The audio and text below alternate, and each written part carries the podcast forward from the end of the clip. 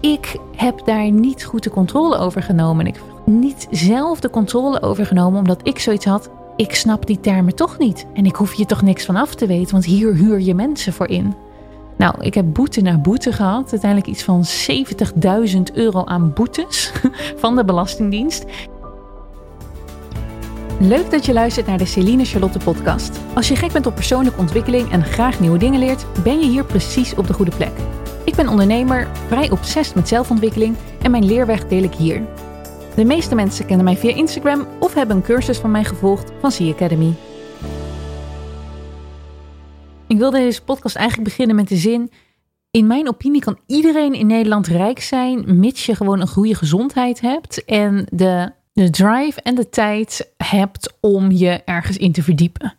En daarna dacht ik, nee, dat moet je natuurlijk niet roepen op een podcast. Dan krijg je sowieso 700 DM's over van boze mensen die zeggen, ja, maar ik kan het niet. En bij mij heb ik geen tijd en ik ben heel erg ziek. En er zijn er altijd mensen voor wie inderdaad ik ook zou moeten zeggen, alright, nu op dit moment in jouw leven lijkt het mij inderdaad een extra uitdaging om dat te doen.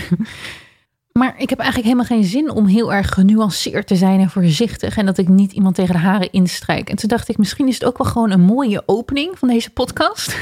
Dat iedereen die zoiets heeft van, oké, laat maar hangen dit. Dat die ook gewoon niet meer luistert. En we gewoon verder gaan met het clubje die zegt, yes, ik wil meer leren over geld verdienen. Ik wil meer leren over mijn money mindset.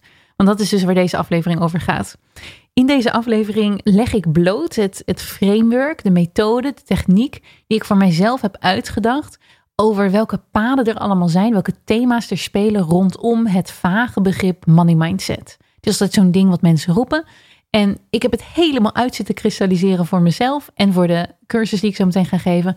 Hoe ziet dat er nou uit? Hoe werk je aan je money mindset? Hoe zorg je ervoor dat het naar een nieuw niveau gaat? En wat zijn de blokkades en de thema's die je tegenkomt?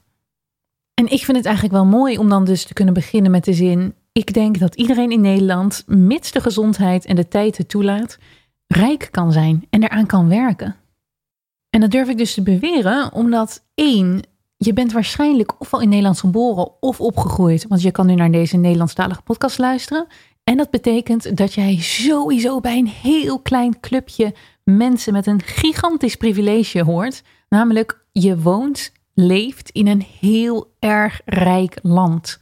Je hoort bij het topje van de berg van mensen in de wereld die toegang heeft tot geld, kennis, zorg. En dan zeker in Nederland zelfs, waar zorg zo wat gratis is, waar onderwijs zo wat gratis is en waar bijna iedereen gewoon ergens wel toegang kan krijgen tot een computer met internet.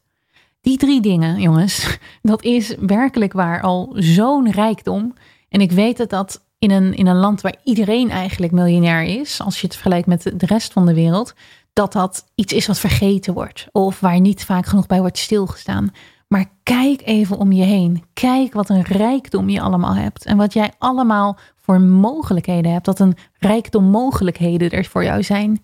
Gewoon alleen al op internet gaan, YouTube intoetsen en je kan uren, dagen, maandenlang besteden aan jezelf bepaalde skills aanleren.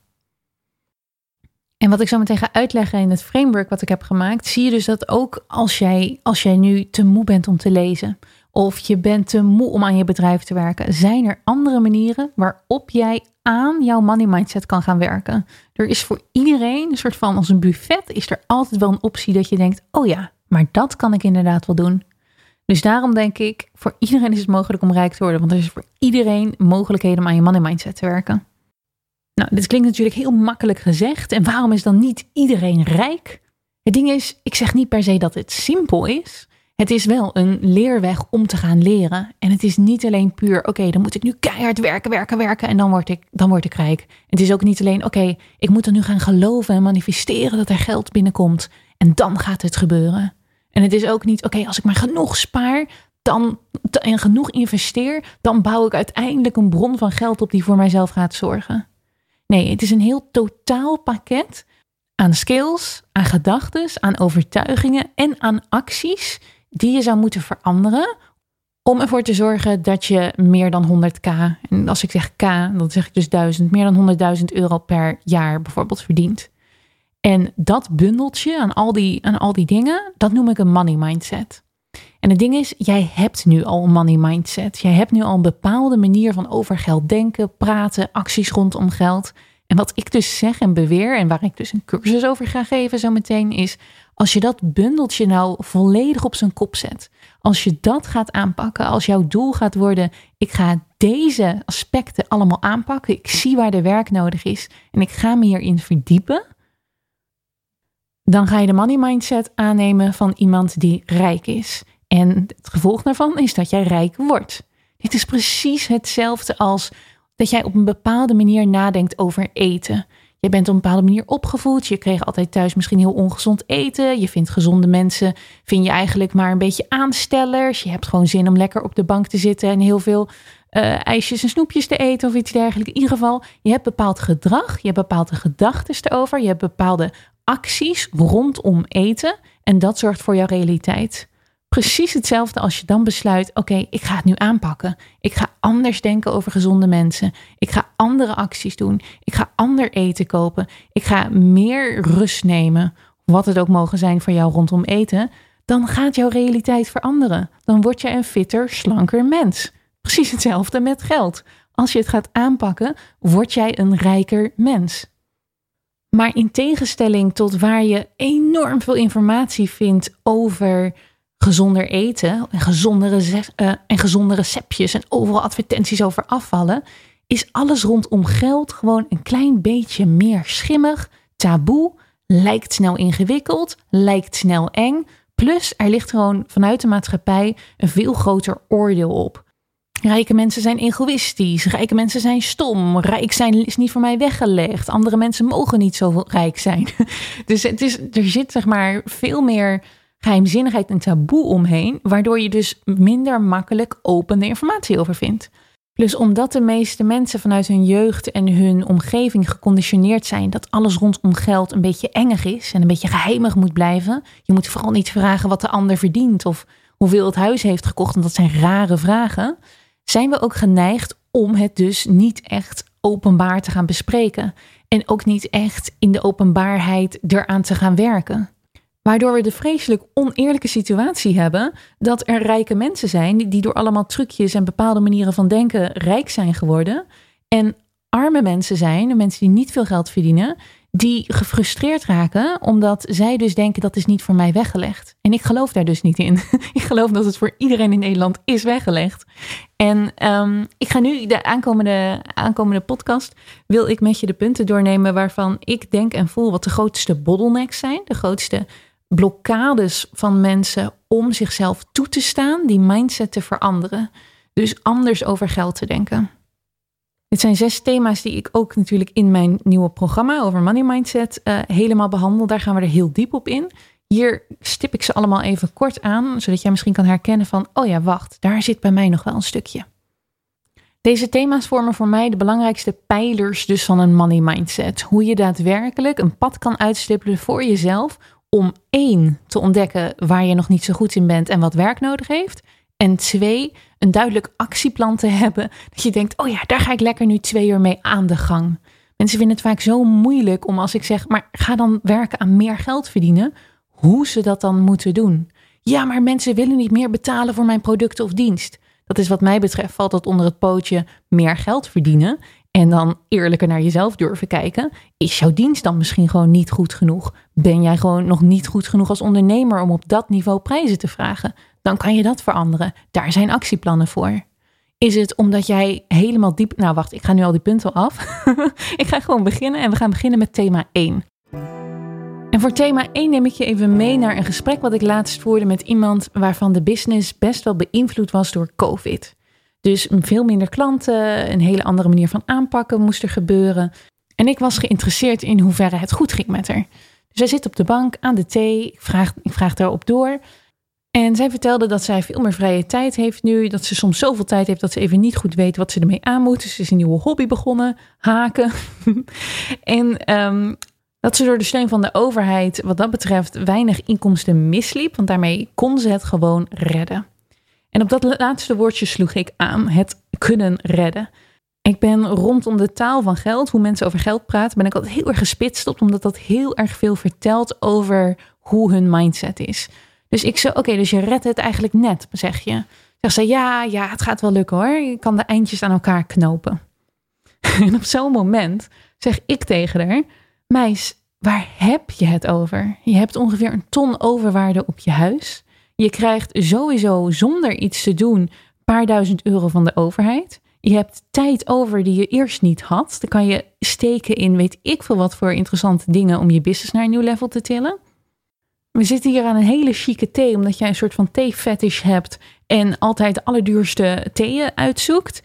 Jij redt het niet net. Jij bent gewoon een super luxe, fijn leven aan het leiden. Je bent hartstikke rijk. Je zit op een bron van geld met je huis. Hypotheek is bijna afbetaald. Ik weet erg veel altijd over financiële situaties van iedereen om me heen, omdat ik er altijd naar vraag. Dus je, je redt het net is niet de juiste bewoording voor jou. Wat jij zou moeten zeggen nu is: het gaat fantastisch. Ik kom meer dan makkelijk rond. Want ik hou een paar honderd euro in de maand over nadat ik een, al mijn hypotheeklasten en vaste lasten heb betaald. Ik kan elke dag eten kopen wat ik wil. Ik kan nog steeds dure theetjes kopen die ik wil. Ik heb een fantastisch leven. Het gaat geweldig met mijn geld. En ze keek me aan met grote ogen en ik zag haar schouders ontspannen. En zei ze: Ja, je hebt eigenlijk gelijk. Ik weet niet waarom ik dat zeg dat ik het maar net redde. Het gaat ook eigenlijk fantastisch. En ik heb geld over en we zitten lekker aan de thee. En dit, dit punt van hoe zij zichzelf ziet in tegenstelling tot hoe ik haar situatie bezie, dat heeft alles te maken met hoe jij jezelf identificeert. Wat jouw idee is van wat jij bent en kunt. Dat is thema 1, jouw eigen ideeën en patronen over geld. Zij heeft in haar hoofd, ik ben een struggelende eenpitter. Het lukt me allemaal maar net. Door COVID ben ik enorm geraakt en dat is verschrikkelijk naar. Maar als je op die manier naar je eigen business kijkt en naar jezelf kijkt, dan sta je in een hele andere mood en een hele andere energie in je leven dan iemand die vol dankbaarheid om zich heen kijkt en zegt: Holy moly, wat een fantastisch leven heb ik. Wat een rijkdom is er om me heen. Wat heb ik een vrijheid en wat heerlijk dat ik mijn hypotheek zo ver heb afbetaald al. Dit huis is al voor 80% voor mij en het heeft zoveel overwaarde. En dat is allemaal één grote bron van overvloed in mijn leven. De meeste mensen denken niet zo. De meeste mensen denken in tekorten. Ik heb te weinig. Oh, ik moet nog hypotheek betalen. Oh, ik heb vaste lasten. Oh, het is jammer. Maar vergelijk het even met die situatie dat het donderdagmiddag is, vijf uur. Je hebt geen zin om boodschappen te doen. Je hebt wel trek en je bekijkt in je keukenkastjes wat daar ligt om eventueel een maaltijd uit te maken. Koelkast is bijna leeg, keukenkastjes zijn bijna leeg en je hebt uiteindelijk een soort van schamelhoopje ingrediënten verzameld. Als jij de mindset hebt van iemand die zegt: Oh, zie je wel, bijna geen eten. Het lukt me niet om iets te maken. Ik kan ook helemaal niet koken. Dit wordt sowieso niet lekker. Ik heb maar drie ingrediënten. Waarom ben ik ook zo lui dat ik niet naar de winkel ben gegaan eerder? En met die energie naar die hoopje ingrediënten gaat zitten kijken en dan proberen daar een maaltijd van te gaan maken, dan is A de kans heel groot dat je gewoon opgeeft en het niet doet. Of B, die maaltijd zal niet zo fantastisch lekker worden. Maar wat als jij de mindset had van iemand die van zichzelf vindt dat hij het supergoed voor elkaar heeft met koken? Dat hij alles weet over een lekkere maaltijd bereiden. Iemand die zichzelf helemaal identificeert met ik ben een chefkok. Alles wat ik aanraak wordt puur goud en is het lekkerste gerecht ever. Ik heb een vriend van mij die, die vindt zijn eigen kookkunsten, kookkunsten fantastisch. En als ik bij hem een tosti neem, is het ook altijd de meest lekkere tosti die je gaat, gaat proeven. Wacht maar. En dan gooit hij er net, I don't know, paprika poeder of zo tussen. Wat het echt daadwerkelijk een klein beetje uplift. Maar zijn enthousiasme alleen al zorgt er inderdaad voor dat elke tosti van hem meer dan fantastisch is. En dat ik uitgebreid zit, hmm, inderdaad, heerlijk. Nou, de mindset van die persoon. Als die die paar ingrediënten ziet, wat zou die dan denken? Die denkt, Oh, wat een leuke uitdaging. Ik ga hier wat heerlijks van maken. Dat is aan mij wel gegund. Even kijken, ik ga nog beter zoeken. Zijn er nergens nog wat specerijen? Nog, nog beter in de kastjes kijken. Oh ja, daar vindt hij nog een klein potje ergens. En deze chefkok mindset weet dus precies, ik ga hier wat lekkers van maken. En dat gebeurt dan ook. Beide personen die gedragen zich zoals zij zichzelf zien, zoals ze het beeld hebben van zichzelf. En omdat de chefkok dus het beeld heeft van wat er ook gebeurt, dit wordt een fantastische maaltijd. Dit wordt heerlijk en ik ben hier ontzettend goed in. Heeft hij A, plezier in het maken. B, zal het daadwerkelijk lekkerder worden, want hij doet meer zijn best. Die gaat dus nog even tot die extra lengte om dat speciale kruid toe te voegen. Of die gaat misschien een meer ingewikkelde manier van koken bedenken, waardoor het gerecht lekkerder wordt, dan degene die er sipjes naar aan het staren is en zegt, nou ja, het is toch niet genoeg, het gaat toch niet lekker zijn, ik ben al te laat, het is niet leuk. Die het gewoon eigenlijk een beetje bij de pakken neerzit en misschien gewoon het alleen allemaal bij elkaar in een pan gooit en een beetje gaat roeren. Niks is sterker dan onze wil en onze drive om te handelen en te denken in hoe wij onszelf zien. Toen ik besloot om in mijn leven meer geld te willen verdienen, ben ik dus helemaal gaan embodyen, helemaal gaan zijn zoals een rijk iemand zich zou gedragen. Ik dacht, de Charlotte die ik eerst was, die dacht dat is niet voor me weggelegd, dat kan ik allemaal niet, dat past niet bij mij, ik weet niet hoe het moet.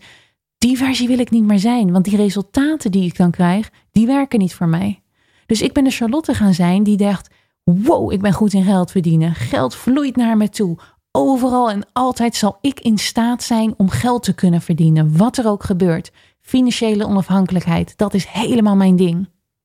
En toen ik dat bereikte, was het financiële vrijheid, dat is helemaal mijn ding. En al mijn acties en al mijn gedachten legde ik dus naast de meetlat van: zou een rijk persoon dit zo doen?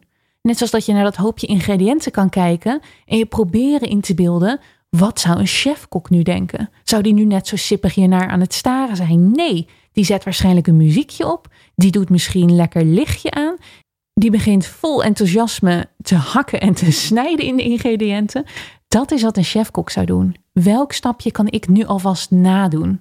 Nou, en dat hoort dus heel erg bij thema 1. Jouw gedachten en jouw acties, jouw patronen bekijken, onderzoeken en denken: klopt dit bij wat ik eigenlijk wil bereiken? Ben ik wel de persoon die ik uiteindelijk wil worden? Mijn hele cursus uh, Unlimited Me pakt dit gedeelte heel erg aan over de doelen stellen. Wat voor soort persoon wil jij zijn en wat voor acties horen daarbij? En heel simpel gezegd zijn er eigenlijk twee grote paden die je op moet gaan. Aan de ene kant zijn de dingen die je moet afleren, die je anders moet doen. Dus de gedachten als geld verdienen lukt mij sowieso niet hoor. Rijke mensen zijn stom. Geld verdienen is eng. Dat zijn allemaal dingen die een rijk persoon niet denkt. Dus die moet jij stoppen met denken. In mijn programma Money Unlocked heb ik hier een speciale tegel op het Instagram-account voor gemaakt. Dat we al die gedachten van alle deelnemers allemaal gaan opschrijven. Iedereen moet daaronder schrijven. Wat denk jij op dagelijkse basis? Waar betrap jij jezelf op? Dat jij aan het denken bent over geld. Wat een rijk persoon nooit op die manier zou denken of zeggen. Waar zit jij helemaal stak in een oude identiteit die jou is aangeleerd en die voor jou heel erg, heel erg als gewoon en als natuurlijk voelt, maar die helemaal niet handig is om te zeggen? Dus het afleren van acties, gewoontes, patronen die jij nu misschien als normaal ziet, maar die niet handig zijn om mee te nemen als je rijk wil worden. Het andere is natuurlijk het aanleren van gedachten en patronen en, en dingen die mensen doen die rijk zijn. Nou, en daar is weer het lastige met geld. De meeste rijke mensen die praten niet zo openlijk over geld. er wordt gewoon, je bent veel meer blootgesteld aan gedachten en patronen van mensen die arm zijn of niet rijk zijn dan aan mensen die rijk zijn. Omdat er gewoon simpelweg minder rijke mensen zijn en jij al sowieso bij een land behoort waar, ja, wat een van de allerrijkste landen is. Je kan het beste vergelijken met bijvoorbeeld, stel je gaat op vakantie ergens heen en je krijgt daar hele slechte service in een restaurant. En je zit jezelf helemaal op de, op de bijten, hoe je dat ook noemt. Omdat de kaart komt laat, het eten is niet lekker, ze doen er helemaal niks aan. En jij denkt maar in je hoofd, zo zonde. Als ik dit restaurantje zou runnen, zou ik het allemaal zo anders aanpakken. En dan had ik waarschijnlijk ehm, dit gezegd als, als een gast had geklaagd over het eten. Of dan was ik sneller geweest met de drankjes. Al die gedachten kun je alleen maar hebben omdat jij vaker bent blootgesteld aan situaties waar de service van een restaurant wel goed was. Als jij niet die ervaring hebt gehad van, oh ja, inderdaad, wat een heerlijke service hier in het restaurant, dit gaat allemaal lekker, dan had je helemaal niet doorgehad dat die service in dat andere restaurant zo slecht was. Kortom, jij kan pas verbeteringen zien, jij kan pas een andere manier van denken en, en een andere manier van acties nemen bedenken als je eraan bent blootgesteld. Dus dat is wat ik ook in mijn programma heel erg ga doen. Ik ga continu erin hameren. Zo denk ik over geld. En zo denken rijke vrienden over geld. Een van de allerberoemdste boeken uh, die over geld gaan heet ook Think and Grow Rich. Je denkt op een andere manier over geld. Dat is een van de redenen waarom ik nooit eerder een programma heb gemaakt over money mindset. Ik heb gewoon geen zin gehad om het programma onder een paar duizend euro te verkopen.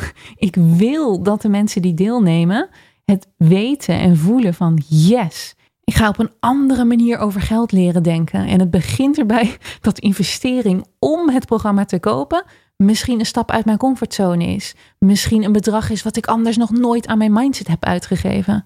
Terwijl elke miljonair je gaat vertellen, je mindset, investeer daarin. Je mindset bepaalt alles.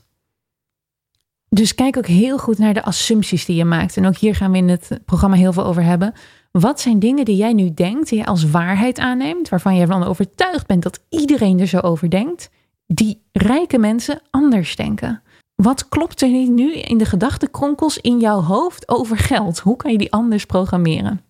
Kortom, dit was thema 1. De eerste blokkade waarom het mensen niet lukt om rijker te worden. Zij blijven zichzelf identificeren met de versie, de money mindset, die ze op dit moment hebben, wat ze bracht naar waar ze nu zijn. De oude, arme money mindset die ze hebben, die voelt comfortabel en ze kunnen zich niet verplaatsen in de money mindset van een rijker iemand.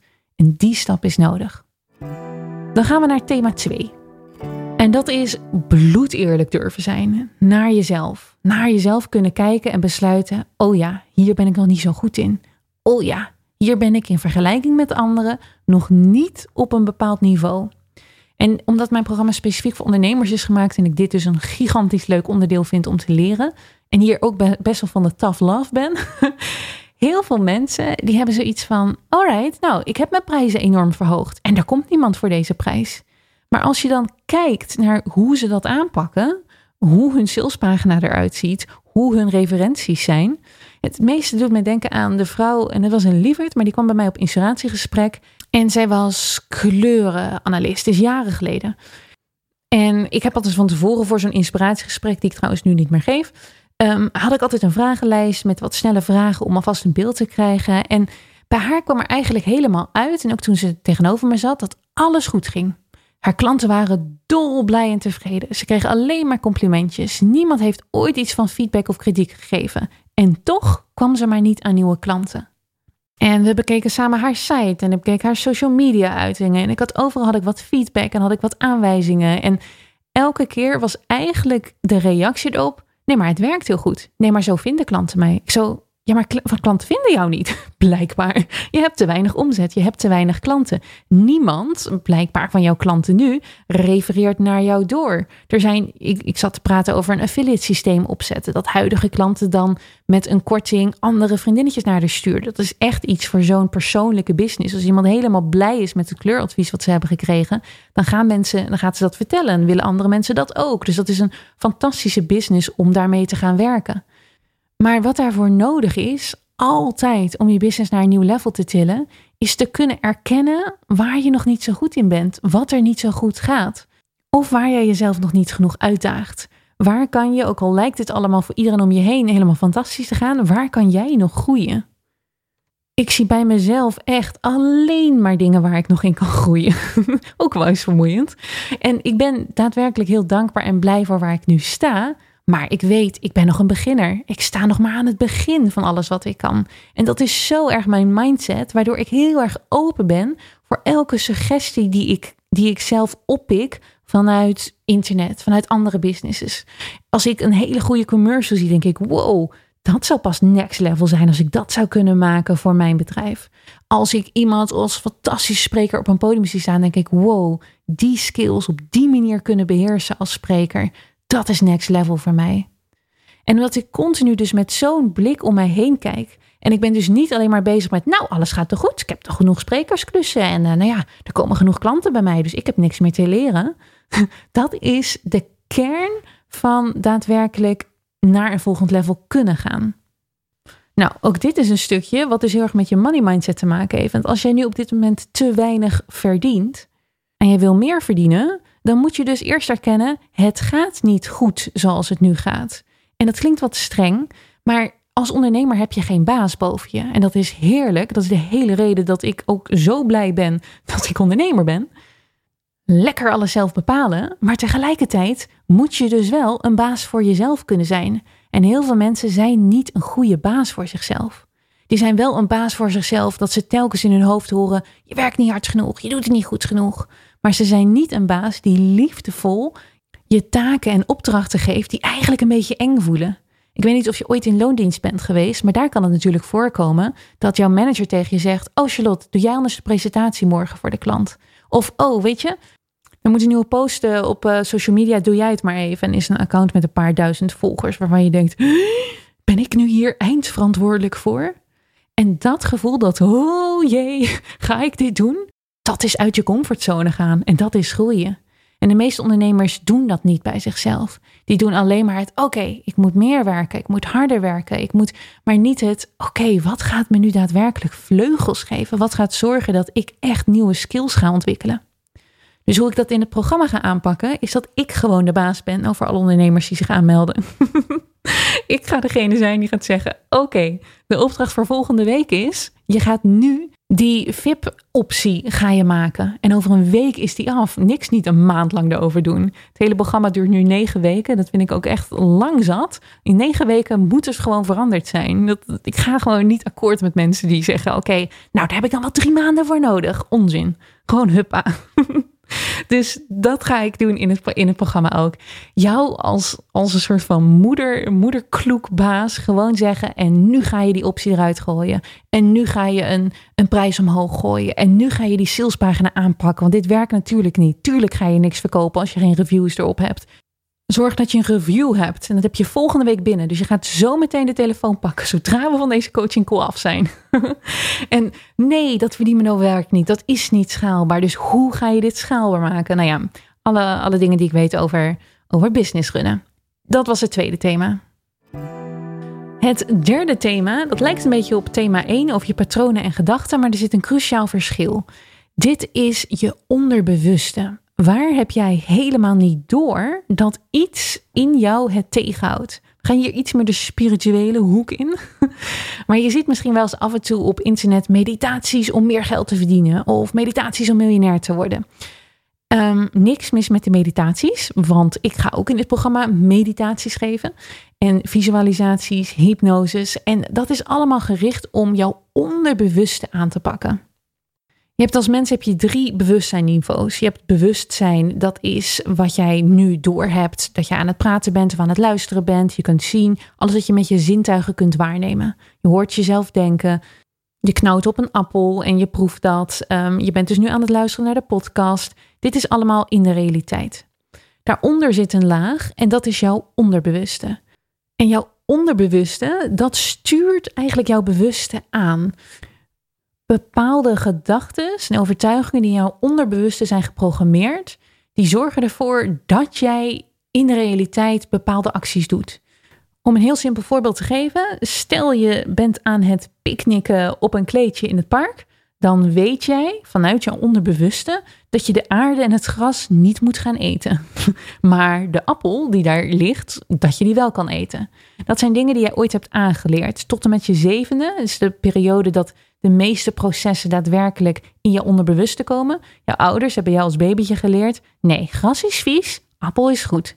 Dus daar hoef je nu niet meer dagelijks over na te denken. Het is niet meer een bewuste keuze van jou om te, elke dag te denken: nee, niet aan het gras zitten, dat was niet goed. Je weet dat gewoon en je handelt ernaar. En nu is appel en het gras een heel simpel voorbeeld, maar laten we het even naar geld trekken. Stel je voor, je hebt tot en met je zevende, je bent opgegroeid in een huis waar je ouders altijd aan het vechten waren over geld. Er was niet geld genoeg en moeder die was telkens boos op vader en vader was boos op moeder en het was altijd gedoe. Dan heb jij in je onderbewuste opgenomen: geld is niet goed, geld zorgt voor ruzie, geld zorgt voor gedoe. En net zoals dat jij niet de hele dag bezig bent met, oh, ik mag geen gras eten, ben je er dus ook niet van bewust dat jij dat met je meesleept. Maar op het moment dat je mij bijvoorbeeld op mijn stories helemaal blij hoort vertellen over geld, dan denk jij waarschijnlijk in jouw hoofd, dat komt door jouw overtuiging, Maar geld is niet goed. Hoe durven ze daar zo over te praten? Geld is slecht. Geld zorgt voor ruzie. En je doet acties en je hebt gedachten die dus allemaal in lijn zijn met die diepere overtuiging: geld is niet goed.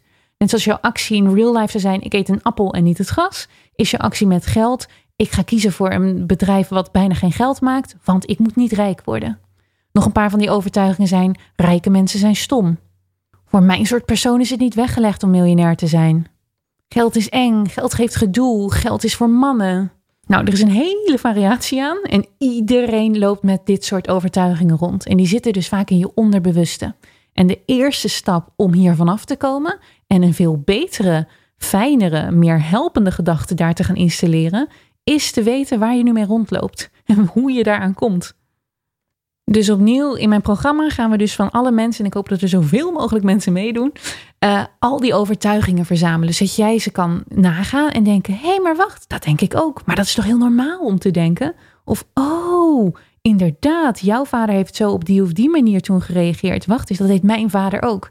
Het helpt hier namelijk zo ontzettend goed bij om de ervaringen van andere mensen te horen. Dan gaan er opeens allemaal puzzelstukjes bij jou vallen. Dat je denkt: oh ja, dit is de reden dat ik er zo over denk. Een van de overtuigingen die ik bijvoorbeeld had, was dat rijke mensen wel iets zouden doen wat eigenlijk niet helemaal klopt of netjes is. Of dat het dus een soort van gladde salesmensen moeten zijn. En dat komt dan omdat mijn ouders op die manier heel vaak hebben gepraat over rijke mensen. Met een bepaald conservatief christelijk oogpunt van, nou, maar een echt goede christen, die is niet heel rijk. Die verdient niet heel veel geld. Want echt goede christenen, die delen alles. En als je alles deelt, heb je zelf geen geld. Dat kan immers niet. Zo werkt het niet. En het heeft mij dus actief werk gekost aan mijn money mindset. Om één, dat te beseffen, dat dat er bij mij in zat. En twee, dat dus te gaan veranderen. Waar kan ik in mijn leven nu mensen vinden die ontzettend rijk zijn en ontzettend veel bijdragen aan de wereld? meer dan mijn ouders met hun beperkte mindset ooit hebben gedaan. En dan vind ik voorbeelden van filantropen zoals uh, Tony Robbins, Mark Zuckerberg van Facebook, Oprah Winfrey. Allemaal mensen die echt miljoenen weggeven uh, en dus nog steeds ontzettend rijk zijn. Dus die gedachte klopt helemaal niet die ik had. Die overtuiging klopte niet. En ik ben mezelf gaan vertellen, Charlotte, hoe meer geld jij verdient, hoe meer jij zou kunnen bijdragen. Ik heb nu al meer kunnen bijdragen in mijn leven dan waarschijnlijk mijn ouders ooit hebben kunnen doen met die beperkte overtuiging. En ik noem hier mijn ouders zo vaak, omdat heel veel van deze overtuigingen ontzettend nauw met je ouders zijn verbonden. Weet je dat de meeste mensen bijvoorbeeld de overtuiging hebben dat ze niet meer mogen verdienen dan hun ouders? Dat dat ergens een soort van invisible grens voor ze is. Als ze die zouden overgaan, dat zou niet fijn zijn.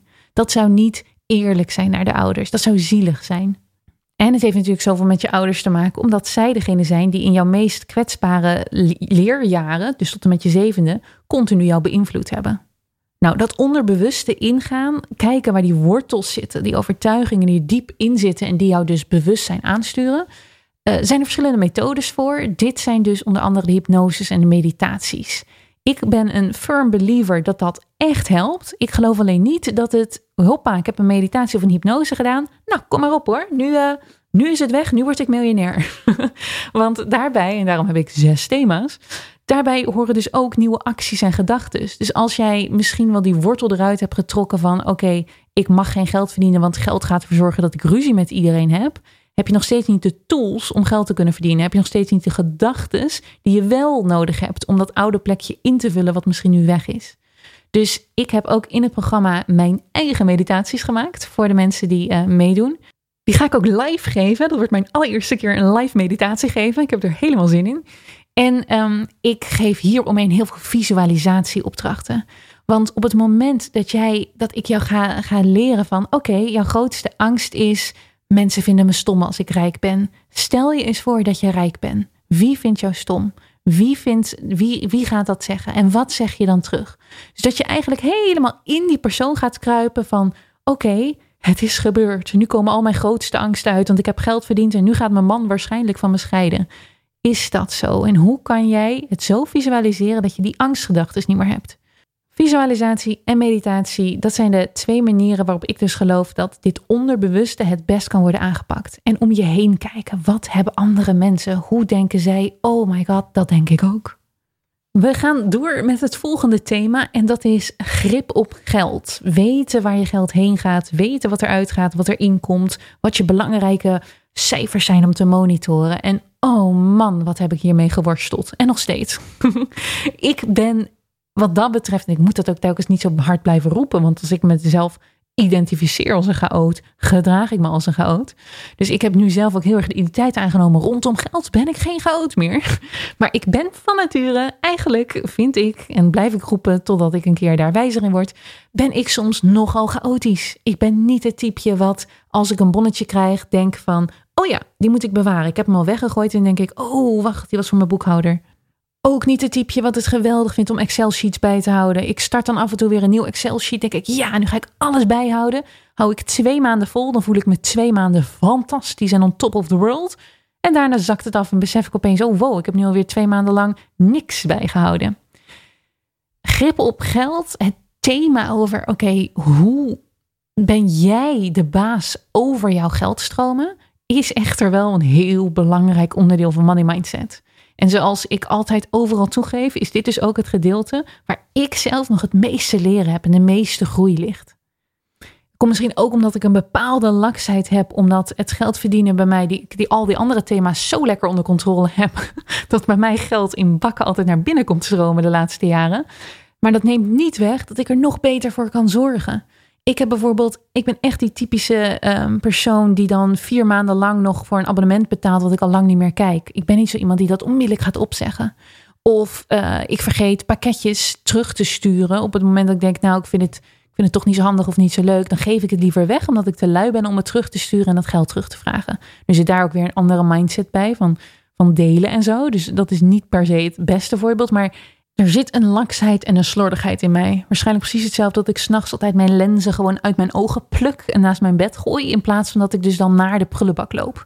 Ik ben gewoon niet zo'n ontzettend opgeruimd typeje. En dat is ook zo in mijn financiën. Vind ik dit erg om toe te geven? Wel nee, helemaal niet. Als ik het idee zou hebben dat ik alles helemaal onder controle had van money mindset, valt er niks meer te leren. En ik geloof dat je money mindset een soort van weg is, die maar blijft doorgaan en doorgaan. En elke keer als je weer een van de thema's induikt en daarop gaat zitten, valt er weer wat nieuws te ontdekken, valt er weer een nieuwe laag af te pellen en valt er weer meer geld te verdienen. Dus eigenlijk ben ik wel een soort van excited dat ik weet, dit themaatje is voor mij het grote thema. En man, als ik hier wat meer aandacht aan geef, dan gaat dit groeien. Ik ga zo meteen samen met mijn cursisten heerlijk meedoen met alle fantastische apps en Excel-sheetjes en weet ik wat, wat ik allemaal heb bedacht voor het programma. Waarvan ik weet, dit zou eigenlijk heel goed zijn om te tracken. Ik heb er nu al zin in. Ehm, twee dingen die hier, die hier jou heel erg gaan helpen. En dat is als eerste een money date hebben. Met één keer in de week, één keer in de twee weken zitten, ademen, je rekeningen erbij pakken en bezig zijn met grip op geld. Hoeveel ging eruit? Hoeveel komt erin? Dat zijn de twee basics, zeker bij een bedrijf dus. En daarna, en dit kost mij heel erg lang om te beseffen, daarna is het volledig up to you wat jij wilt trekken. Hoe jouw boekhouding in elkaar steekt, welke regeltjes jij bedenkt, of jij je salaris elke maand in een vast bedrag naar jezelf overmaakt, wat ik aanraad, of dat je altijd een percentage pakt van je winst, wat ik niet aanraad. Of dat jij een speciaal potje hebt voor beleggen. En een speciaal potje voor sparen. En hoeveel procent gaat waar dan heen? En doe je in crypto? En hoeveel mensen komen op je website? En hoeveel mensen daarvan converteren daadwerkelijk naar een klant? En hoeveel procent van jouw klanten heeft meerdere producten van jou gekocht? Er is een oneindigheid aan cijfers die je zou kunnen trekken. En mijn belangrijkste onderdeel waar ik met mijn cursisten dus mee aan de slag ga is je kiest zelf een paar punten uit die je gaat trekken. Dat ga je consistent doen. En elke maand kies je er eentje bij. Boekhouden is je eigen regeltjes bedenken. En sinds ik dat snap, vind ik het zoveel leuker. Dus niet alleen ga ik met mijn cursisten elke keer bepaalde punten af. En dat, ze, dat ik zeg, oké, nu zou je dit bijvoorbeeld kunnen tracken of dit. Ik laat ze ook helemaal hun eigen regels maken met voorbeelden van hoe ik dat doe. En welke regeltjes ik heb die ervoor zorgen dat ik denk, Elke keer, oh ja, dit is wel leuk zeg. Oh man, het is mijn geld. Ik voel echt dat dit geld leeft en bij me hoort. En ik hou van het geld. Grip op geld hebben is niks anders dan er heel veel van houden en er goed voor willen zorgen. En je ook bewust zijn op welke manier je ervoor zorgt. Zorg je ervoor als een hele angstige moeder die het een soort van bij de strot grijpt en niet wil laten gaan, want oh my god, de wereld is zo eng? Of zorg je ervoor als een moeder die gewoon zegt: hey, je bent niet van mij, je bent op aarde gekomen en ik mag jouw moeder zijn. Dat vind ik geweldig en ik ga je alles van mijn talenten en liefde geven om ervoor te zorgen dat jij opgroeit als een gezond en vrolijk mens. Maar ik stuur je weer terug de wereld in, want daar leer je het meest. Nou, en die laatste is natuurlijk de manier waarop je eigenlijk met geld zou moeten omgaan. En niet die eerste verstikkende manier. De ene is uit een overvloed gedacht. Hey, wauw, geld, je bent geweldig, je kwam bij me. Zonder dat dat echt helemaal 100% allemaal aan mij lag. Het is gewoon het universum wat het bij me brengt. En ik stuur je weer het universum in met liefde. Of het is, oké, geld, je bent bij mij gekomen, je bent van mij en iedereen wil je afpakken, maar je bent van mij. Ja, dat is even in het kort hoe ik die twee verschillende dingen zie. Maar dit is een belangrijk onderdeel. En ik weet nog dat ik bij Business Mastery zat. En Business Mastery is een heel groot event van Tony Robbins, waar allemaal ondernemers bij elkaar komen om vier dagen lang over je business te horen. En een van de grote onderdelen daar is je cijfers leren snappen. En er, er viel echt een last van, nou ik denk wel 80 kilo van me af. um, toen ik doorhad dat die hele zaal vol met briljante, slimme ondernemers met heel vaak een omzet van in ieder geval een miljoen, geen idee hadden hoe ze hun eigen balans moesten lezen. Wat het verschil was tussen passiva en activa. En hoe fiscale regels in elkaar zitten. En als ik dan Tony Robbins daar op het podium zie oreren tegen een zaal, dus echt vol met slimme ondernemers, van jongens, zo werkt investeren, dan dacht ik, oké, weet je, ik loop niet zo ver achter. En dat is het belangrijkste bij dit grip op geld. De mensen die hier nu naar dit stukje luisteren en mij eigenlijk in hun hoofd denken: Nou, Charlotte, gelukkig heb ik dat beter voor elkaar, want ik doe dat allemaal heel goed. dat zijn niet de mensen die aan dit thema hoeven te werken. En dat is awesome dat jij het goed doet. Maar ik weet dat ongeveer 80% van de mensen naar dit stukje luistert en denkt: Charlotte heeft het ook niet allemaal voor elkaar. Dat is geweldig. Omdat dit het stuk is wat heel veel mensen niet kunnen, wat heel veel mensen niet doen. We hebben niet op school geleerd hoe je dit nou precies allemaal bijhoudt, hoe je inkomstenbelasting doet, wat goede fiscale regels zijn, waar je op moet letten. Dat het één grote game is en dat jij zelf je regels mag bepalen? Nee. Dus heel veel mensen doen dit niet. Heel veel mensen laten dit of over aan hun, aan hun partner, of over aan de boekhouder, of over aan het helemaal niks en dan is het één grote zooi. Als je in mijn programma zit, Elk niveau is welkom. Ik omhels je met liefde. We komen eruit. We gaan de orde in scheppen op een hele zachte, lieve manier. Het komt goed. En als je niet in mijn programma zit, wat? Steek een kaarsje aan, één keer in de week en ga een uur lang naar dat kaarsje kijken met je laptop naast je en probeer één cijfer op te zoeken. Gewoon, wat heb ik vandaag uitgegeven? Als ik dat optel, op hoeveel geld kom ik dan? Wat heb ik deze week verdiend? Elke keer doe je één cijfer. Tot je beseft, ook oh, wil eigenlijk wel doorgaan. Wat heb ik dan gisteren verdiend? Oh, wat heb ik eergisteren? Zodat je een soort van nieuwsgierigheid gaat opbouwen ernaar. En die angst wegzakt. Je kan dit. We hebben nu vier thema's gehad. We begonnen dus met die identificatie van jezelf. Hoe zie jij jezelf? Zie jij jezelf als een arm persoon of als een rijk persoon? Daarna kwam het thema actie nemen. En dat was een stukje over dat jij als ondernemer gewoon daadwerkelijk acties moet gaan doen om ervoor te zorgen dat jij meer geld gaat verdienen. Je kan niet alleen maar zitten en denken, yo, ik, ben, ik wil een rijk mens zijn, zonder dat je in de real life acties gaat maken. En acties maken zijn strategische keuzes rondom je bedrijf die ervoor gaan zorgen dat je meer geld gaat verdienen. Dan kwamen we bij thema 3 en dat was je onderbewuste. Welke overtuigingen die ooit door je ouders zijn ingebracht, die ooit door de maatschappij bij jou soort van zijn ingehamerd, belemmeren jou om rijker te worden. Geld zijn is niet leuk, rijke mensen zijn stom. En dan heb ik net het grip op geld besproken. Nou, er komen nog twee thema's aan. Nog twee thema's? Jazeker. Ik ben ook altijd heel erg verbaasd als mensen zeggen: Ja, ik weet gewoon niet hoe ik meer geld moet verdienen. Want dit zijn alle paden al. En er komen er dus nog twee aan. Hou op met me. Oké, het volgende pad, thema waar je aan zou moeten werken, is weerstand opbouwen. En weerstand opbouwen is wat ik ook opnieuw met een podcast als dit doe. Wat ik naar de massa uitbreng over een onderwerp wat taboe is, je krijgt weerstand. Verrassing, verrassing. Op het moment dat jij gaat veranderen, op het moment dat jij anders gaat denken over geld dan de meeste mensen om je heen, krijg je weerstand. Waarom? Omdat die mensen allemaal heel graag willen denken dat zij het bij het goede eind hebben. Over geld bestaan zo ontzettend veel meningen en er zijn zo ontzettend veel strategieën om meer geld te gaan verdienen. En alhoewel de hele wereld zegt: geld is niet belangrijk, ik vind geld niet belangrijk, is iedereen obsessief door geld. Dat, dat gaat je opvallen hoe rijker je wordt, hoe meer je merkt hoe obsessief mensen met geld zijn, omdat ze het niet hebben. Ik snap het tot op een zeker gedeelte. Ik snap dat daar een soort van drang achter zit van shit, ik wil het zo graag hebben.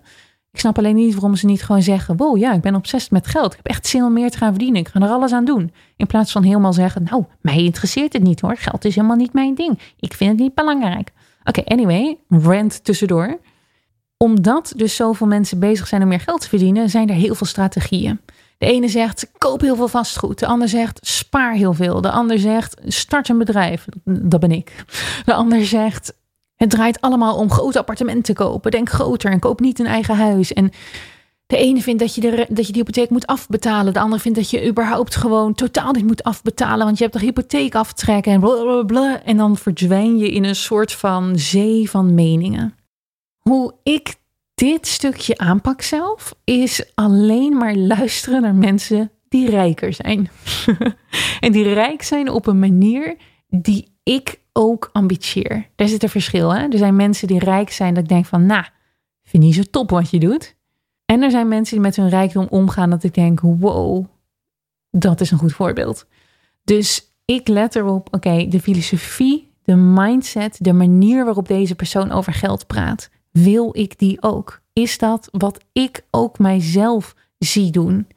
Er zijn geldgoeroes out there die dan zo'n Instagram post plaatsen met als jij nou al je kopjes koffie van 2 euro niet zou doen, dan bespaar je 300 euro per, per jaar of whatever. En dan denk ik, oh man, dat is een verrotte mindset. Dat je jezelf niet eens een kopje koffie van 2 euro gunt. En misschien wel een heel geluksgevoel en een hele soort van ontlading, omdat je jezelf dat even geeft, een momentje voor jezelf.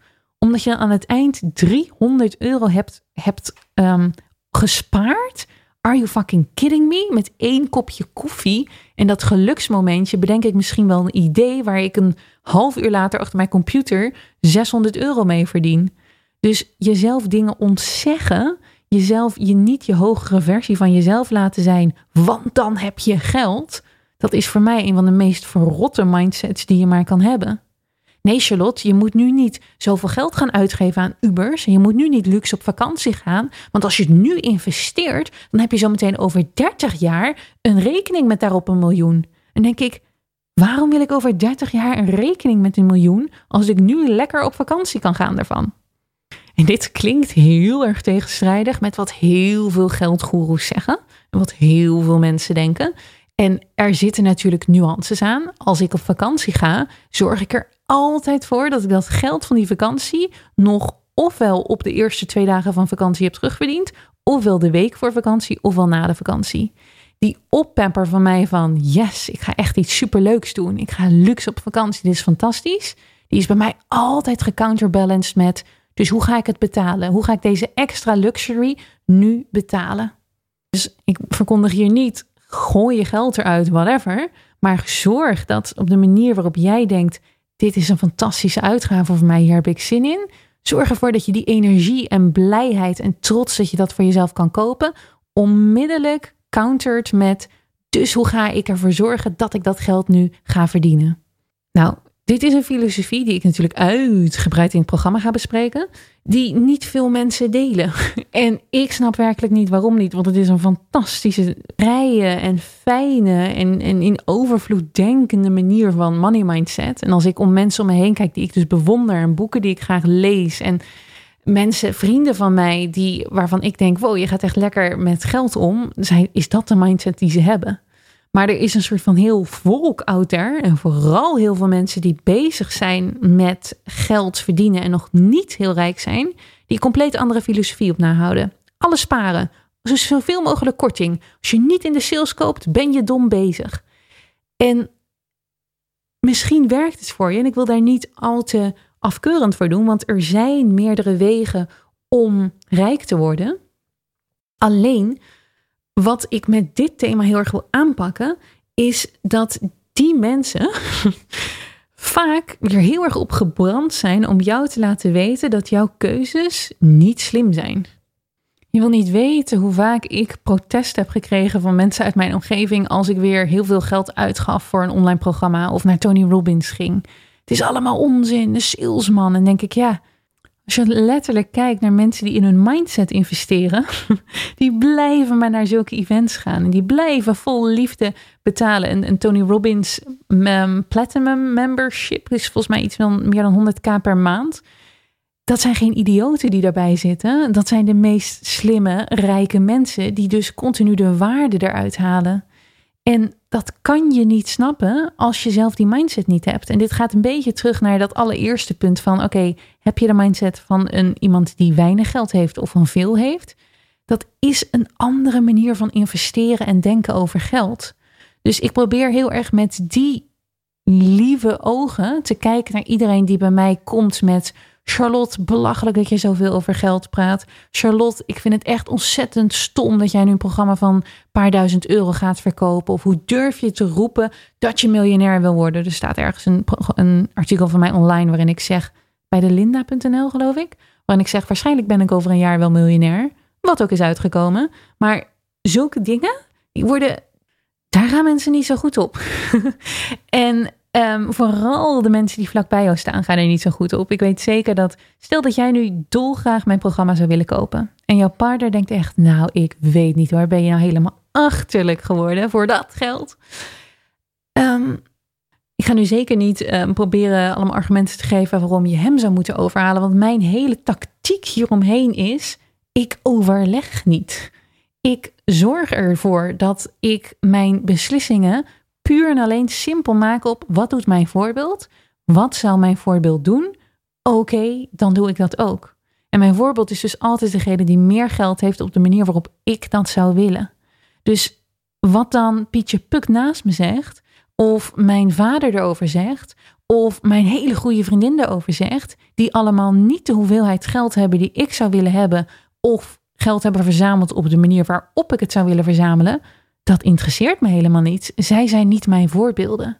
En hier moet je je wel bewust van zijn en tegen wapenen. En ook beseffen, er zijn dus verschillende strategieën. Een van mijn vrienden is veel, veel rijker dan dat ik ben. Maar hij heeft een money mindset. En daar moeten we ook altijd heel erg om lachen. Die compleet andersom is van mij. hij weigert bijvoorbeeld uh, de Uber te pakken, waar ik overal heen Uber, omdat ik denk, lekker niet te fietsen. Ik kom niet bezweet aan, ik heb het koud buiten en dat gaat heel goed voor mijn welzijn zijn. Als ik namelijk in de kou moet fietsen, en sommige mensen vinden dat heerlijk, ik vind het absoluut worst, dan kom ik als zaggerijnig aan of heb ik niet eens zin om te vertrekken. Dus als je met mij wil afspreken, dan ben ik zo blij dat Uber bestaat, omdat ik dan tenminste aankom, omdat ik weet, ik hoef alleen maar in die Uber te stappen. Hij kan er, kan er niet over uit dat ik in Uber stap in Amsterdam. Want de gezonde Nederlandse meid die fietst toch, ook al ben je miljonair. En er was de laatste situatie, het regende vrij hard. En hij, hij zou bij mij komen eten. En ik had hem dus overgehaald. En hij zag er tegenop om te gaan fietsen in de regen. Goh. En ik had hem overgehaald om die Uber te nemen. En toen duurde het en duurde het. En komt hij uiteindelijk helemaal kleddernat bij mij aan. Ik zo, je zou toch die Uber nemen? Zeiden ja, het was een dubbele prijs. Dus zo'n search, Uber heeft hartstikke slim. drukke momenten is een Uber soms twee keer zo duur. Dus waar je normaal voor een ritje van zijn naar mijn huis ongeveer 13 euro betaalt, was het nu 23 euro of zo. En hij zo, ik ga toch niet het dubbele bedrag betalen voor een ritje wat eigenlijk 13 euro kost. En dat is dus een zin die je mij nooit van mijn leven zou horen zeggen. Want in mijn hoofd is dus die waarde in de Uber zitten is voor mij waarschijnlijk. Ik, ik heb altijd wel een beetje een waarde in mijn hoofd. Als het over de 1000 euro zou zijn, kan ik me voorstellen dat ik het niet doe. Maar het is waarschijnlijk op zo'n moment, gegeven mijn financiële gegevens natuurlijk, misschien wel 100 euro waard om in een auto 10 minuten te kunnen rijden. Omdat ik dan gewoon denk: ja, dit geef ik mijzelf. En hier is die hele goede vriend van mij, veel rijker dan ik, die er absoluut niet aan moet denken om daar geld aan uit te geven. Onze money mindset kan niet meer anders zijn. Maar ik ga niet twijfelen aan de manier waarop ik mijn money mindset leef, omdat hij het anders doet. En dat heeft bij mij ook, ook veel werk gekost hoor. Want dan hoe rijker ik werd, hoe meer rijke vrienden ik om me heen ben gaan verzamelen. En hoe vaker ik dus ook zag, oh, maar zij pakken het op deze manier heel anders aan. En toch, door mijn eigen intuïtie te volgen en mijn eigen, en daar ga ik het veel in de cursus over hebben, mijn eigen hogere zelf en mijn eigen doelen en mijn eigen persoonlijkheid en karakter heel erg mee te nemen in de financiële beslissingen die ik maak, dat is het beste en het sterkste. Dus als jij hebt besloten dat jouw huis afbetalen voor jou heerlijk zou voelen. En dat je denkt, nou, als ik ooit geld heb, dat gaat allemaal mijn huis in. En je hoort van twaalf mensen om je heen, nee man, dan ben je hypotheekaftrek kwijt en uh, renteaftrek. En dat is allemaal heel onverstandig. Je moet nooit je huis afbetalen. Wat je moet doen, is een tweede huis kopen in een opkomende wijk en die gaan verhuren. En dat kunnen ze dan misschien wel gelijk in hebben qua, weet je wel, de precieze opbrengst, als je er echt een rekensommetje van maakt. Maar de energie die het voor jou zou kosten om bijvoorbeeld te onderhandelen met een huurder of loodgieters te moeten spelen omdat daar een keer iets, iets fout is. Of überhaupt het traject in te gaan we weer een huis kopen. Dat kost ook allemaal geld. Het energetische geld, wat ik, hoe ik dat noem. En daar houden zij dan geen rekening mee. Voor hen is dat misschien een leuke hobby, voor jou helemaal niet. Dus je moet gaan leren, oké, deze mening van deze persoon, die ga ik volgen. Deze mening leg ik naast me neer. Deze jaloersheid die deze persoon nu naar mij brengt, leg ik naast me neer. Dit advies wat ik nu krijg, oh, dat neem ik aan. Want die persoon die heeft eigenlijk precies wat ik ook wil hebben. En hé, hey, ik ben eigenlijk wel nieuwsgierig inderdaad naar crypto. Ik ga eens kijken hoe ik daarin kan investeren. De ene vindt crypto doodeng, de ander vindt het fantastisch. Drie keer raden welk kamp ik behoor. ik vind crypto fantastisch interesseert het mij dan dat er vrienden van mij zijn die zeggen: Charlotte, nooit in de crypto, dat is veel te eng. En dat beleggingsexperts dat zeggen en zo. Nee, ik kijk naar de mensen die miljonair zijn geworden met crypto's. En ik denk: dat is toch hilarisch dat je met een inleg van een paar duizend euro gewoon miljonair zou kunnen worden, heel eventueel. Ben ik bereid om die paar duizend euro te verliezen? Absoluut. Gewoon voor het leuke gevoel: Charlotte zit in de crypto. Dit zijn dus beslissingen en die, die weerstand en dit hele thema gaat er dus heel erg om je eigen koers varen, je eigen money mindset, je eigen pad bepalen. En dit is ook waarom ik nooit een advies zou geven per se van je moet in vastgoed, zoveel procent moet daarin, zoveel procent moet daarin. Misschien ben jij niet de persoon wat in percentages van je vermogen in bepaalde, in bepaalde onderdelen wil steken. En wat ik wel wil doen in het programma is zoveel mogelijk opties aanreiken. Deze persoon doet dit zo. Je kan er ook zo over denken. hey, heb je er wel eens aan gedacht om bijvoorbeeld 10% van jouw vermogen wat je nu hebt altijd te storten in indexfondsen? Bij mij werkt dat zo en zo. En is moeilijk, want als het over geld raakt, raken veel mensen in angst en paniek. En oh nee, mijn partner zei dit en dat, dus ik moet dat volgen. Waar staat jouw partner? Is jouw partner het ideale voorbeeld van hoe jij met geld wil omgaan en hoe jij over geld wil denken? Zo nee, sta jezelf toe een andere vrijheid te kiezen. Sta jezelf toe een ander pad op te lopen en een andere mindset aan te nemen. Ook al is het zo iemand van wie je heel veel houdt. En daarna ben je gewoon een voorbeeld voor jouw partner. Dat jouw partner naar jou kan kijken en denken: holy fuck, dat, ze doet toch echt dingen fantastisch goed. Oké, we gaan naar het laatste onderdeel. En dat is ook een onderdeel waar ik zelf nog mee in een vol leerproces zit. Omdat dit een van die heerlijke dingen is waar je altijd meer over kan leren. En dat is de taal van geld snappen. De taal van geld, je zou aan de ene kant kunnen zeggen dat zijn de cijfertjes. En dat was heel erg bij het onderdeel grip op je geld. Maar ik zie de taal van geld ook breder. Ik zie het namelijk ook als begrippen kennen als hefbomen, liabilities, uh, activa, de balans lezen we, uitdividenden, weten hoe je BTW precies werkt, weten of jij een rekening courant kan staan, of je een BV moet hebben of een eenmanszaak, of jij moet investeren of hoe jij je crypto's het beste kunt beveiligen. Oftewel, de hobby geld. Laten we ervan uitgaan en ik hoop heel erg dat iedereen die mijn programma meedoet dit na twee weken al helemaal voelt. Je hobby moet worden geld. En als iets je hobby is, dan vind je het super leuk om er meer over te lezen en ermee bezig te gaan. Stel dat jij nu als hobby skaten hebt. En je leest ergens over een nieuwe skate, een nieuw wieletje wat, het wat is uitgebracht. Of je hoort van een vriend over een heel interessante skateroute ergens. En er wordt een of andere nieuwe reep uitgebracht waar skaters extra veel energie van krijgen. Nou ja, je snapt mijn punt. Je bent waarschijnlijk geïnteresseerd. Je hebt zoiets van: oh, ik ben een skater. Ik moet even lezen wat dit is. En die attitude, die zou je ook rondom geld als hobby moeten maken. Oh, ik zie dat de beurzen naar beneden zijn gegaan. Ik ben een belegger. Even kijken wat er over wordt geschreven. hey, ik zie dat de dividendbelasting omhoog gaat. Oeh, even berekenen wat dat voor mij zou betekenen. Of yes, dit grote bedrijf gaat naar de beurs. Daar heb ik zin in om te beleggen. Of uh, een vriend van mij die heeft net een vakantiehuis gekocht in het buitenland. Ik ga eens even vragen hoe die dat precies heeft aangepakt. Misschien moet ik dat ook wel doen. En van welke box gaat dat af? Nou ja, je snapt me, je hoort me. Je moet een interesse gaan kweken in financiële dingen, in financiële taal, in financiële begrippen. En ik ben hier ook zo de fout mee ingegaan zelf. Ik zat namelijk op het moment dat ik zoveel had verdiend dat een BV een veel logischere keuze zijn dan een eenmanszaak. En in eenmanszaak, even in het heel kort, betaal je inkomstenbelasting. Dus alles wat jij overhoudt, dus jouw winst. Stel je hebt 100.000 euro verdiend in een jaar. Daarvan heb je 50.000 euro kosten gemaakt en hou je 50.000 euro over als winst. In de inkomstenbelasting als ZZP'er in een eenmanszaak betaal je dan inkomstenbelasting over die 50.000 euro.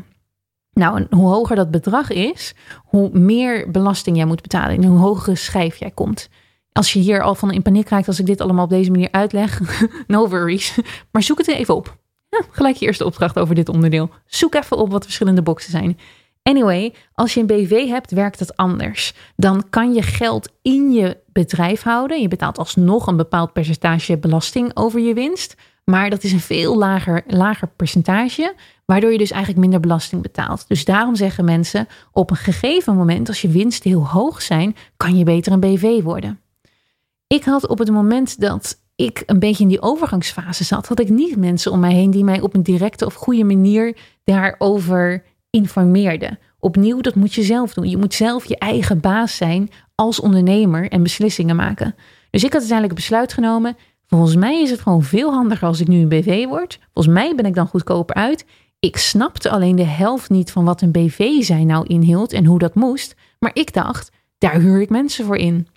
Het enige wat ik hoef te doen is dure, goede mensen inhuren die dit voor mij gaan regelen. Ik hoef me hier niet mee bezig te houden. Ik ga lekker verder met geld verdienen. Dus had ik onder andere een accountant, een heel duur notariskantoor en een fiscalist ingeschakeld. Drie, um, drie pijlers die je nodig hebt voor een BV.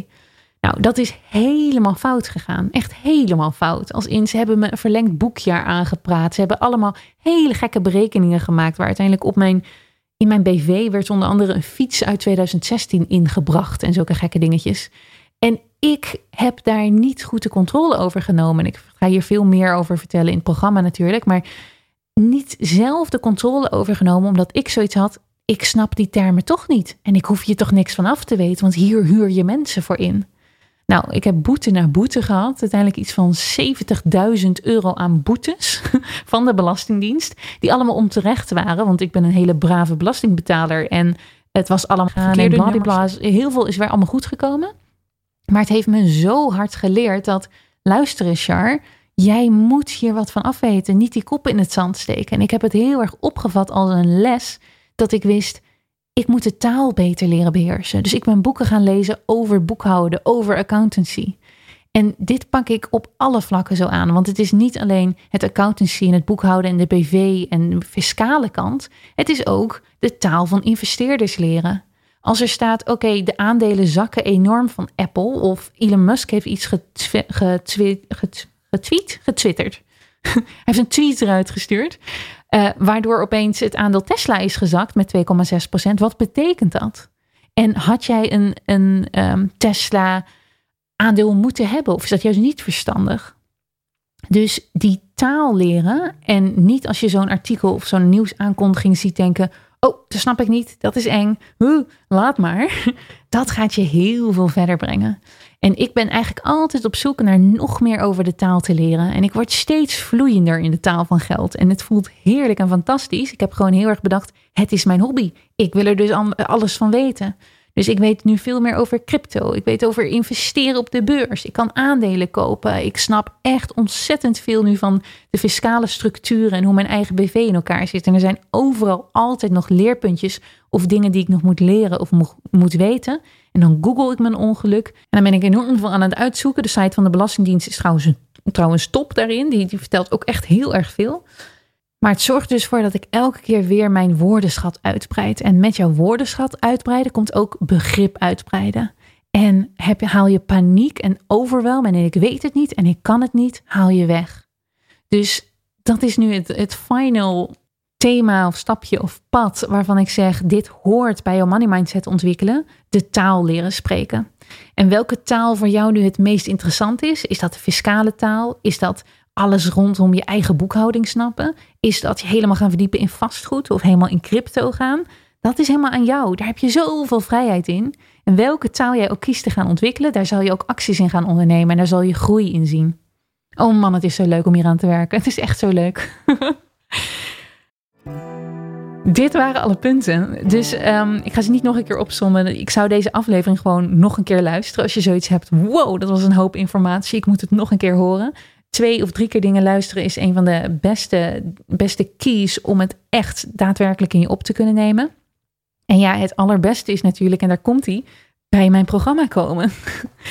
ik heb um, al deze punten, die kan je ook niet ergens vinden. Het is niet zo dat ik nu een boek heb gevonden die beschrijft er zijn zes punten en zo werk je aan je money mindset.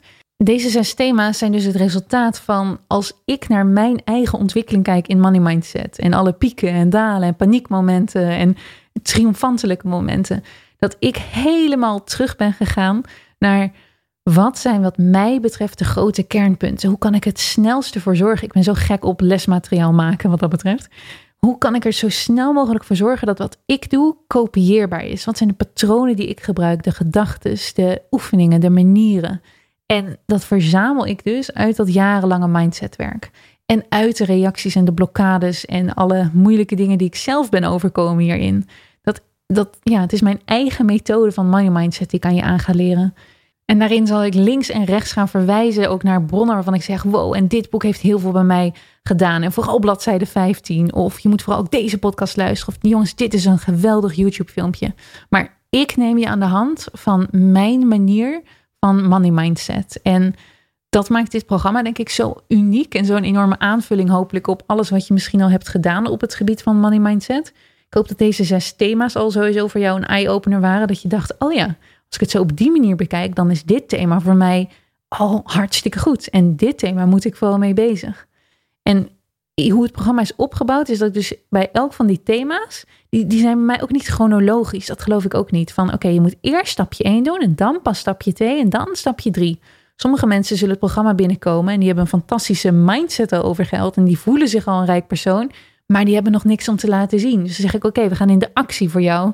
Andere mensen die zullen misschien hartstikke veel actie nemen, maar het geld gaat er in bakken uit, omdat ze nou eenmaal de diepe overtuiging hebben dat geld eng is om te managen. Dus geven ze alles uit. Die moeten bezig gaan met het thema grip op geld en overtuigingen over geld.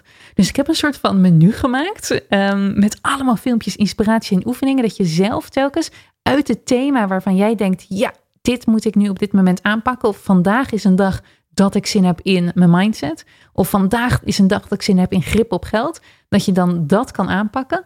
En er is zeker ook wel een curriculum hoor. Er is een bepaalde manier. Ik heb elke keer een wekelijkse grote opdracht van ik zeg nou doe deze in ieder geval. Want in onze um, coaching calls, dat zijn coaching calls die ik natuurlijk niet één op één met je heb, maar het is altijd ik tegenover de groep.